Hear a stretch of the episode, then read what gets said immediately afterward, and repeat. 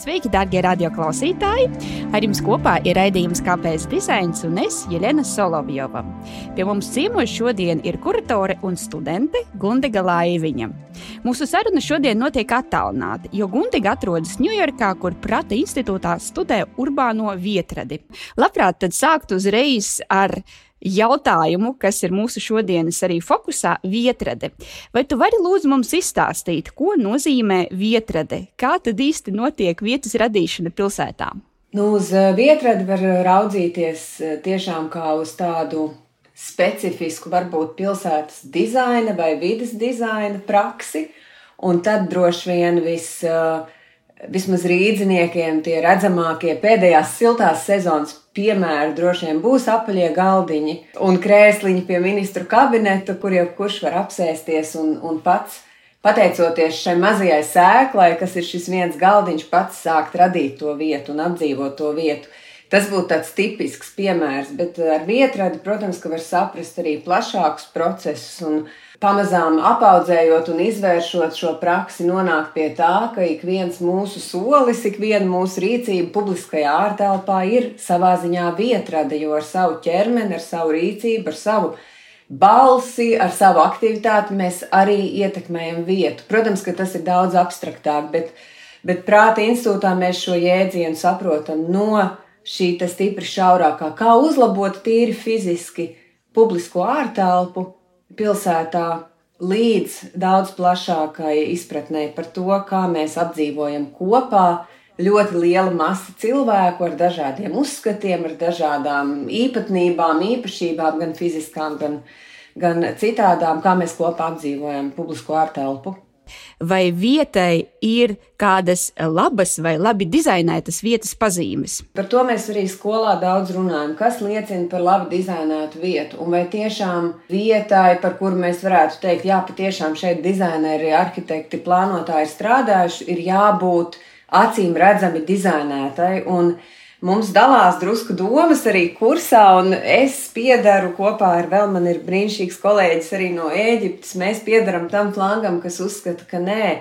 Nevienmēr labas vietas pazīme ir acīm redzama dizaina klātbūtne. Bieži vien mēs cenšamies pārmērīgi iejaukties vietas raksturā vai veidot to identitāti ar pārmērīgi, varbūt ambicioziem pat uh, piedāvājumiem, kas reizēm ir tik jaudīgi, ka viņi, viņi savā ziņā attur cilvēku no aktīvas piedalīšanās šīs vietas radīšanā. Tad mūsu varbūt tas pieejams ir um, vairāk mēģināt saskatīt, kas tajā vietā jau ir.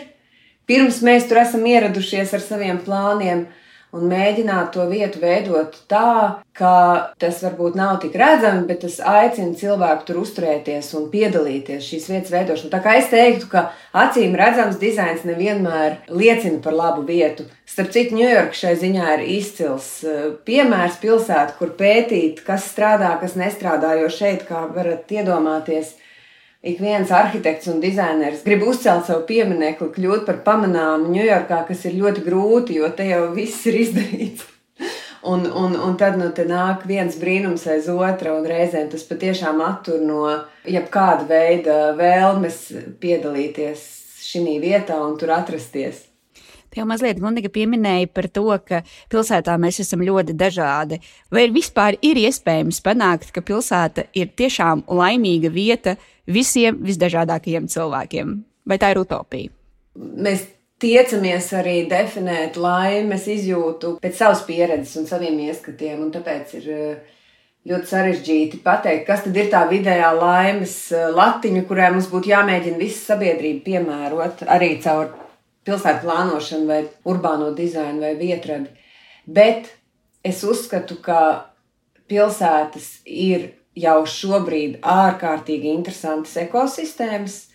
Un faktiski pilsētās jau šobrīd notiek daudz kas, ko mēs vēl joprojām uzdodam reizēm sarunās par utopiju, jo pilsētas tiešām ir tās vietas, kur eh, neticami liels skaits cilvēku spēj vienoties par to, kā kopā apdzīvot šo te telpu, kas reizēm ir pavisam neliela un atkal jau ir dzīvojot Ņujorkā, es to redzu ikdienā uz katra soļa.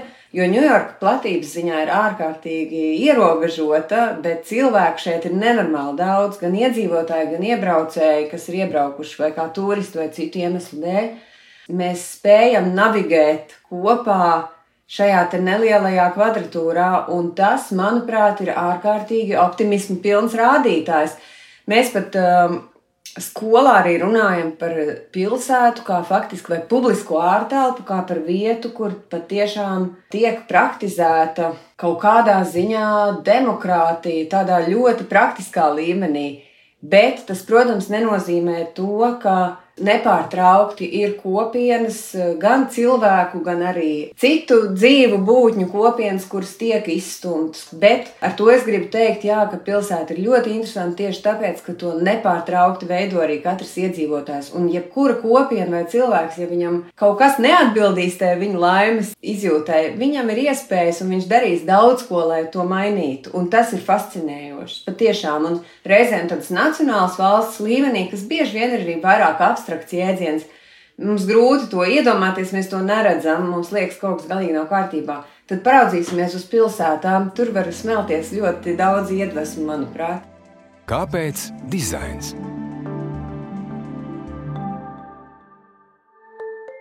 gatavojoties šim raidījumam, tu pieminēji, ka viena no tēmām, kas tevi ļoti interesē, ir tiesības uz pilsētu. Vai tu varētu mums mazliet vairāk izstāstīt, ko šī ideja sevī ietver un kā šīs tiesības izpaužas? Nu, tiesības uz pilsētu ir definējuši vairāk teorētiķi, filozofi, kā tiesības, par kurām netiek skaļi runāts. Tas ir gan Lefebvre, gan uh, Deivids Hārvijs, gan arī citi. Un faktiski, jā, viņi pielīdzina tās vienām no būtiskākajām cilvēktiesībām. Tātad pilsēta ir vieta, kurā ikvienam ir tiesības dzīvot, attīstīties saņemt uh, pakalpojumus, bet ne tikai saņemt, bet arī dot. Un, man liekas, tas ir ārkārtīgi būtiski. Katrs cilvēks uh, no bērna kājas faktiski ir pilsētu plānotājs, ir vietradis, ja tā var teikt, un, un, un tas būtu jāapzinās un jāatzīst arī pilsētu politikas līmenī. Un Lefebvre iet vēl tālāk, viņš piedāvā arī terminu citadīns savos rakstos. Viņš tātad runā par pilsētniekiem kā faktiski par civilo pilsonisko sabiedrību, kurai teiksim, pilsētniekiem būtu neatkarīgi no tautības, no pases, jābūt arī politiskām tiesībām pilsētā, izvēlēt pilsētas priekšstāvjus un piedalīties pilsētas veidošanas procesos. Savā ziņā pilsētu kā teritoriju varbūt mēģinot nodalīt no šīs nacionālās valsts idejas, tiesības atrasties ielās, tiesības nebūt arestētam, tiesības saprast, kā darbojas novērošanas sistēma un, un, un, un drošības sistēma pilsētās, tiesības pieiet pie ūdens, tiesības uz uh, svaigu gaisu. Tiesības patvērties zem koka, kad nāk karstuma viļņi, tiesības, ka tev ar logu haivējs netiek būvēts. Ļoti, ļoti daudz tiesības uz faktiski cieņpilnu dzīvi gan fiziskā, gan tādā sociālā līmenī. Un atkal jau vai mēs spējam iztēloties, ka pilsētā šīs tiesības pieder ne tikai cilvēkiem, bet arī uh, citām kopienām, citām dzīvām būtnēm, kas ir vienā arī ārkārtīgi interesanta tēma. Runājot par tiesībām un par pilsētām, man savukārt nāca prātā tāds varbūt mazliet praktiskāks piemērs, eh, kas, manuprāt, ir gana bieži novērojams urbānajā vidē Eh, lietošu tūdaļ anglicismu, saucam par eh, defensīvo arhitektūru. Tas ir mēģinājums kontrolēt, bet eh, kontrolēt, novēršot kaut kādu cilvēku it kā nevēlamu rīcību, visbiežāk gan noteikti sabiedrības grupas kādu nevēlamu rīcību, nu, piemēram, neļaujot mums šķērsot ielu vietā, kur mēs varbūt gribētu to darīt, vai tie paši nērtie soliņi, lai uz tiem nevarētu ērti atgulties. Mūsu pilsētas šobrīd ir pilnas ar šādiem risinājumiem. Vai tu saredzi, ka nākotnē tiem vispār ir vieta pilsētās? Jā, tā ir ārkārtīgi svarīga tēma un vēsturiski ārkārtīgi svarīga tēma, kā mēs ar telpu vai ar cilvēku būvēto telpu virzam sabiedrības gan atkal jau fizisko kustību, bet, protams, arī sociālos kultūras paradumus. Arī viss pagājušais gadsimts, visi totalitārie režīmi patiesībā veiksmīgi strādā ar, ar šo tā saucamo defensīvo arhitektūru. Es eh, pati personīgi esmu pret šiem visiem ierobežojumiem, redzamiem, neredzamiem, jo jā, daži no viņiem ir atklāti, daži no viņiem ir nepārprotami, viņi tur ir, bet viņi ir apslēpti zem it kā ļoti fantastiska dizaina. Es esmu pret to. Es uzskatu, ka mums ir jāuzticas cilvēkiem, un otrkārt, pilsētu iedzīvotāji mainās, kopienas mainās ārkārtīgi strauji arī ar visiem 21. gadsimta migrācijas procesiem. Daudzi brauc prom, daudz brauc iekšā ar saviem paradumiem. Mēs nevaram iedomāties, ka mēs tagad kaut ko uzbūvēsim, mēs tagad sakārtosim šīs kopienas paradumus un tāda nu viņa tagad būs un to visu ievēros. Tas nav iespējams. Nevelti ir eh, vesels virziens, gerilla urbanisms vai neformālais urbānisms. Cilvēki vienmēr atradīs veidus, kā apiet šos eh, ierobežojumus, kas nav samērīgi. Cilvēki vienmēr atradīs vietas, kur apsēsties vai atgulties, un kāpēc lai viņi to nedarītu? Pilsētas ielām nav jābūt tīrām no cilvēkiem. Atgriezīsimies pie Džēnas Jēkabs. Pilsētas ielām ir jābūt. Galu beigās tā ir cilvēku dzīves telpa. Bet nenoliedzami tas ir fantastisks izpētes lauks, šie slēpti, atklātie vai atklāti slēptie veidi, kā virzīt mūsu uzvedību. Bet tāpat laikā mums, piemēram, skolā arī bija vesels kurs par veselību, veicinošu dizainu. Kā atkal ar slēpti, nu tā kā nepārāk atklātiem paņēmieniem mēs tieši varam veicināt eh, cilvēkus eh, vairāk kustēties vairāk kā pa trepēm, noiet mazliet lielāku gabaliņu. Arī mentālā veselība, domāt par gaismu, dabiskiem gaismas avotiem, atkal jau tā atkal ir vesela milzīga tēma, kā mēs varam ne tikai ar dizainu kaut ko liekt vai kaut ko apturēt, bet arī veicināt. Un par pilsētu mēs esam raduši domāt, kā vietu, kur dzīvo, satiekas, strādā, atpūšās cilvēki. Bet es zinu, ka tu vēlies akcentēt, un jau akcentēji, ka mūsu veidotajos betona džungļos neesam vieni. Izstāsti mums lūdzu vairāk par to, cik dažādi var būt un ir pilsētnieki. Jā, man tas eh, paši ļoti interesē, jo man ļoti svarīga cieņpilna attieksme pret citām kopienām. Ir skaidrs, ka pilsētas vēsturiski ir veidojušās ļoti bagātās ekosistēmās, vietās, kur ir bijuši daudz resursu, kur ir bijis daudz ūdens. Ūdens vienmēr nes sev līdzi ļoti daudz un dažādas dzīvības formas, un arī Ņujorka ir ir veidojusies. Mēs pavērojam, ir ļoti daudz brīnišķīgu pētījumu par vietu, kur atrodas Ņujorka pirms kolonizācijas, eh, un cik tā ir bijusi daudzveidīga, bagāta, neticami bagāta ekosistēma. Te ir bijuši, es nezinu, cik 80% no pasaules austeru dzīvotnēm Arī šobrīd, ja mēs paskatāmies pasaulē uz uh, bioloģiski daudzveidīgākajiem reģioniem, tajos visos centrā ir megapolis, milzīgas pilsētas, kā neatņemama šo bioloģiski daudzveidīgo reģionu sastāvdaļa. Protams, ka šīs pilsētas izplešās, šīs dabiskās telpas uh, dzīvotnes samazinās, sugām, dzīvajām būtēm kaut kur ir jāpatverās, kas ir ārkārtīgi interesanti, ka pilsēta, jā, viņa reizē iznīcina, bet viņa reizē arī kļūst par patvērumu eh, sugām, kuras veids neticamu, gluži neticamu pielāgošanās ceļu, evolūciju, kā pielāgoties dzīvei pilsētā, un urbānajā vidē, un manuprāt, šie procesi ir jārespektē.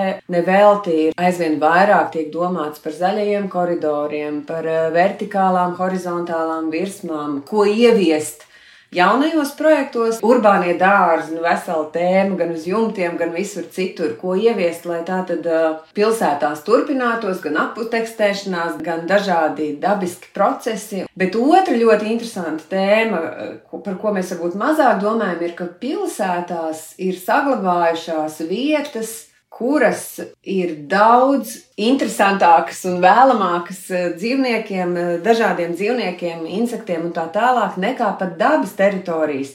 Jo dabas teritorijās notiek ļoti intensīva, bieži vien saimniekošana, šīs vidas noplicināšana, bet pilsētās ir tādas vietas, kā piemēram, nu, ļoti daudz tiek runāts par senajām kapsētām kuras neviens neaiztiek, kur neviens nesper kāju. Arī parki, bet parki tomēr tiek vairāk apsaimniekot. Bet tieši ir baznīcu, teiksim, dārzi, ir kapsētas, ir vēl vietas. Eh, arī, starp citu, neapbūvētas, aizlaistas teritorijas pilsētas kontekstā mums tas šķiet nesaimnieciski, un tas viss būtu jāsakārto. Bet, ja mēs padomājam no dzīvnieku perspektīvas un augu perspektīvas, šīs vietas viņiem ir patvērums Un varbūt ne viss pilsētā būtu jāsakārto, atkal jāpiemēro cilvēka estētiskajai izjūtai, bet būtu jāatstāj kādas aizlaistas džungļi, ārprāts, neviens tur neiet, bet nav tā, ka neviens tur neiet. Tur ir tūkstošiem dzīvu būtņu, kas cer, ka neviens tur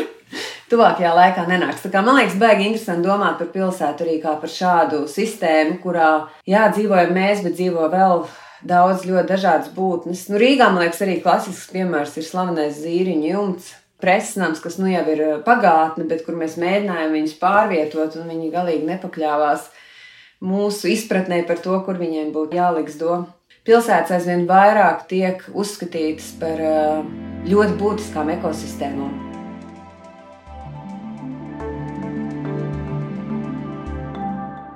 Pieminēja Gundega arī tādu lietu kā urbānie dārzi, un uh, par šo tēmu runājot, tie nereti ir uh, kopienas iniciēti. Nu, cik lielu lomu tu saredzi kopumā pilsētas izveidē vai vietu izveidē tieši vietējai kopienai vai mūsu katra vēlmei padarīt vidi, kurā mēs dzīvojam, labāku un laimīgāku?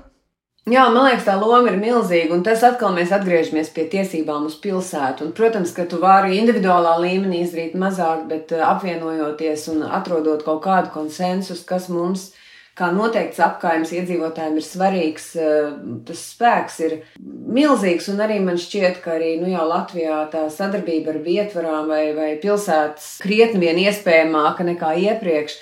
Ņujorkā tā kustība ir milzīga, viņa ir vēsturiska. Atkal jau tā jāņem vērā milzīga melnādaino iedzīvotāju pilsētnieku loma šīs kustības veidošanā, jo nu, viņi ir bijuši smagi pakļauti pilsētu plānošanas negatīvajai ietekmei. Viens no tādiem, piemēram, ir brīnišķīgais centrālparks, ko mēs visi zinām, bet viņš ir uzbūvēts uz vienas no pirmo brīvo afroamerikāņu apmetnēm, Seneks uh, ciema, kurš tika upurēts tam, lai izveidotu šo parku. Iespējas ir milzīgas, man liekas, ir ļoti daudz instrumentu. Man prieks arī, ka Rīga ir pārņēmusi līdzdalībās budžetēšanas praksi, kas arī Ņujorkā ir tāda jau sen aprobēta praksa, kas tiešām strādā, ka cilvēki paši var eh, gan pieteikt, gan balsot par eh, attīstības projektiem, kas viņiem ir svarīgi. Domāju arī, ka lielākas kustības aug un izaug bieži vien pilsētu apkaimju aktīvistiem un kustībām. Noslēgumā es gribētu mazliet arī parunāt eh, par tavu personīgo pieredzi un tavu motivāciju studēt to, ko tu studē. Pirms tam gan māksla un kultūra ir bijusi nopietna tavas dzīves sastāvdaļa, veidojot tiltiņu no tavas pagātnes uz uh, šodienu un nākotni. Kādu tu redzīji mākslas un kultūras lomu pilsētā?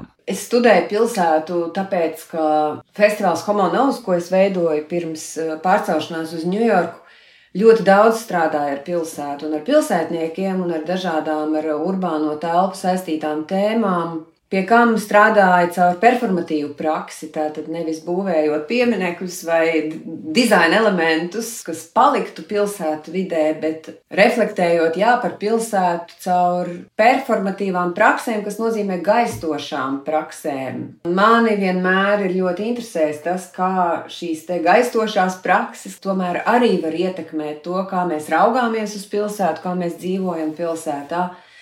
Nu, lūk, un desmit gadus strādājot ar pilsētu, kā ar ļoti foršu, es teiktu, partneri, man gribējās vairāk saprast par šo sistēmu, kā tā darbojas, kas ir tie principi no tāda arī ne tikai teorētiskas, bet arī praktiskas pozīcijas. Un tāpēc es mācos šo te vietradu, jo vietrada nav varbūt tāda klasiska tehniskā pilsētu plānošana. Vietrada tomēr ietver ļoti daudz socioloģijas, antropoloģijas, politikas un, un arī mākslas un, un, un jaunradas. Nu, ļoti daudz tiek runāts arī par publiskās ārtelpas programmēšanu, ko mēs tur darām, kādus pasākumus mēs tur rīkojam. Kāpēc Ņujorkā tā skola, kurā es mācos, tiešām ir um, īpaša ar to, ka viss, ko mēs tur darām, savā ziņā mēs to pārbaudām praksē. Protams, ka pandēmija to mazliet pabojāja, bet mēs visu laiku strādājam ar reālām aktīvistu grupām, reālās vietās, Brooklynā, un arī mēģinām patiešām lietas, ko mēs šeit darām, tālāk šīs kopienu aktīvistu grupas lieto, lai tiešām panāktu kaut kādas reālas pārmaiņas. Un tas ir baigi forši, ka tu kā students vari kaut ko radīt, kas varbūt ir vēl arī tāds pavisam negatīvs, bet tam pēc tam ir tikt realizētam jau citu rokām, varbūt, bet tas ir tiešām ļoti iedvesmojoši.